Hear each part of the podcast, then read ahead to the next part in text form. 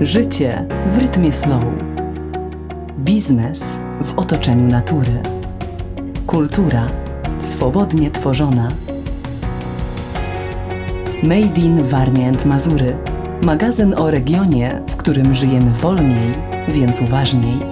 Czytać go to przyjemność, a słuchać to luksus. Szacun dla krajobrazu. Nawiązanie do historycznej zabudowy Warmii i Mazur to budzący się trend w regionalnej architekturze. Czy dawne wytyczne sprawdzają się w dzisiejszych warunkach? I jak wpisać budynek w lokalny krajobraz, aby nie zaburzać jego tożsamości? Korzystanie z gotowych projektów domów ma co najmniej stuletnią tradycję. Na początku XX wieku promowane były na terenach Warmii i Mazur innymi przez towarzystwa budowlane. Przetwarzano w nich elementy lokalnej tradycji, łącząc formy dawne, jak na przykład różnego rodzaju podcienie, dekoracje szczytów, ze współczesnymi rozwiązaniami. Dzisiejsze popularne gotowce z katalogów to projekty powielane bez uwzględnienia historycznego krajobrazu. I choć są dostępne od ręki i tanie, rośnie liczba inwestorów, którzy wybierają dom skrojony na miarę i inspirowany tradycyjnym budownictwem regionu. Budownictwo tradycyjne, nawet po 150 latach, broni się w krajobrazie, często jest w świetnym stanie, twierdzi Anita Świat z pracowni Kuźnia Projektów w Olsztynie. Dlatego po kilku dekadach stawiania domków z różnych bajek, pomału zwracamy się ku historycznej architekturze, nawet jeśli kosztuje więcej. Ale zdarza się, że jeszcze dzisiaj ktoś chce postawić zakopiańską chałupę na Warmii. Odmawiamy takich projektów, bo rolą architekta jest także uświadamianie, że wszyscy jesteśmy odpowiedzialni za lokalny krajobraz. Już sam fakt, że budując wymarzony dom coraz częściej korzystamy z usług architekta, świadczy o rosnącej świadomości inwestorów, dając tym samym szansę wpisania go w otaczający nas krajobraz, dodaje Tomasz Szymański, właściciel olsztyńskiej pracowni Atom Lab. Przystępując do pracy, bierzemy pod uwagę nie tylko kontekst historyczny okolicy, ale też pobliską zabudowę, ukształtowanie terenu, roślinność, potrzeby przyszłych użytkowników bo tożsamość architektoniczna regionu to nie tylko forma obiektów, ale przede wszystkim krajobraz i harmonijne wkomponowanie w jego naturalne ukształtowanie. Często jest tak, że to, co klientowi wydaje się być wadą terenu, np. zadrzewienie czy pagórek, okazuje się być największą wartością przestrzeni, dodaje Tomasz Szymański. Nie jest sztuką zrównać koparką teren, ale wkomponować w niego zabudowania tak, aby tworzyły spójną całość. W skarpie można umieścić na przykład garaż, a istniejące drzewa zintegrować z kubaturą projektowanego budynku, efektownie obudować tarasem czy wypuścić konary przez elementy domu.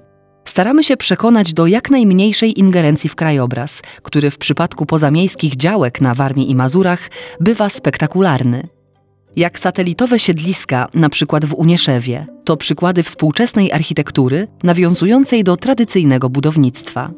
Dom na planie prostokąta z dwuspadowym dachem, komponująca się z zielenią cegła i ceramiczna dachówka to elementy historycznej zabudowy Warmii i Mazur. Czy to dobre budownictwo na dzisiejsze czasy?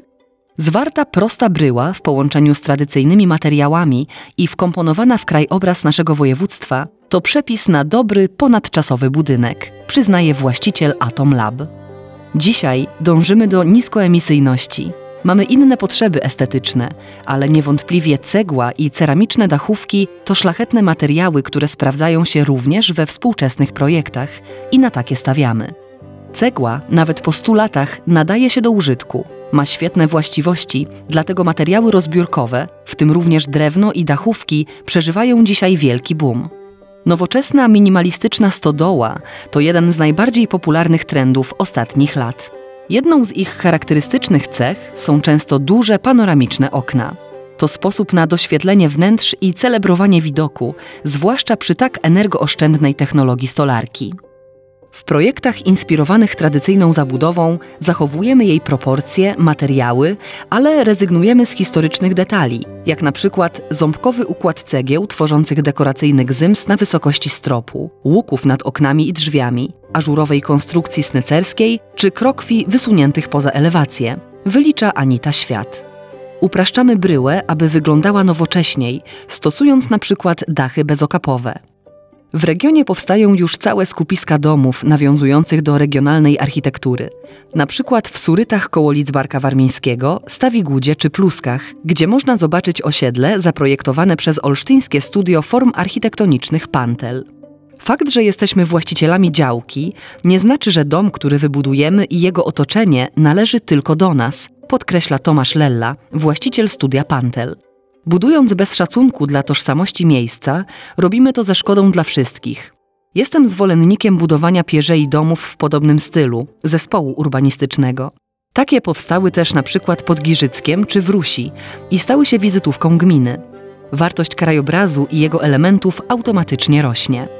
Już w 2010 roku samorząd województwa warmińsko-mazurskiego we współpracy z dzisiejszym Narodowym Instytutem Dziedzictwa zorganizował konkurs Twój dom dialog z tradycją.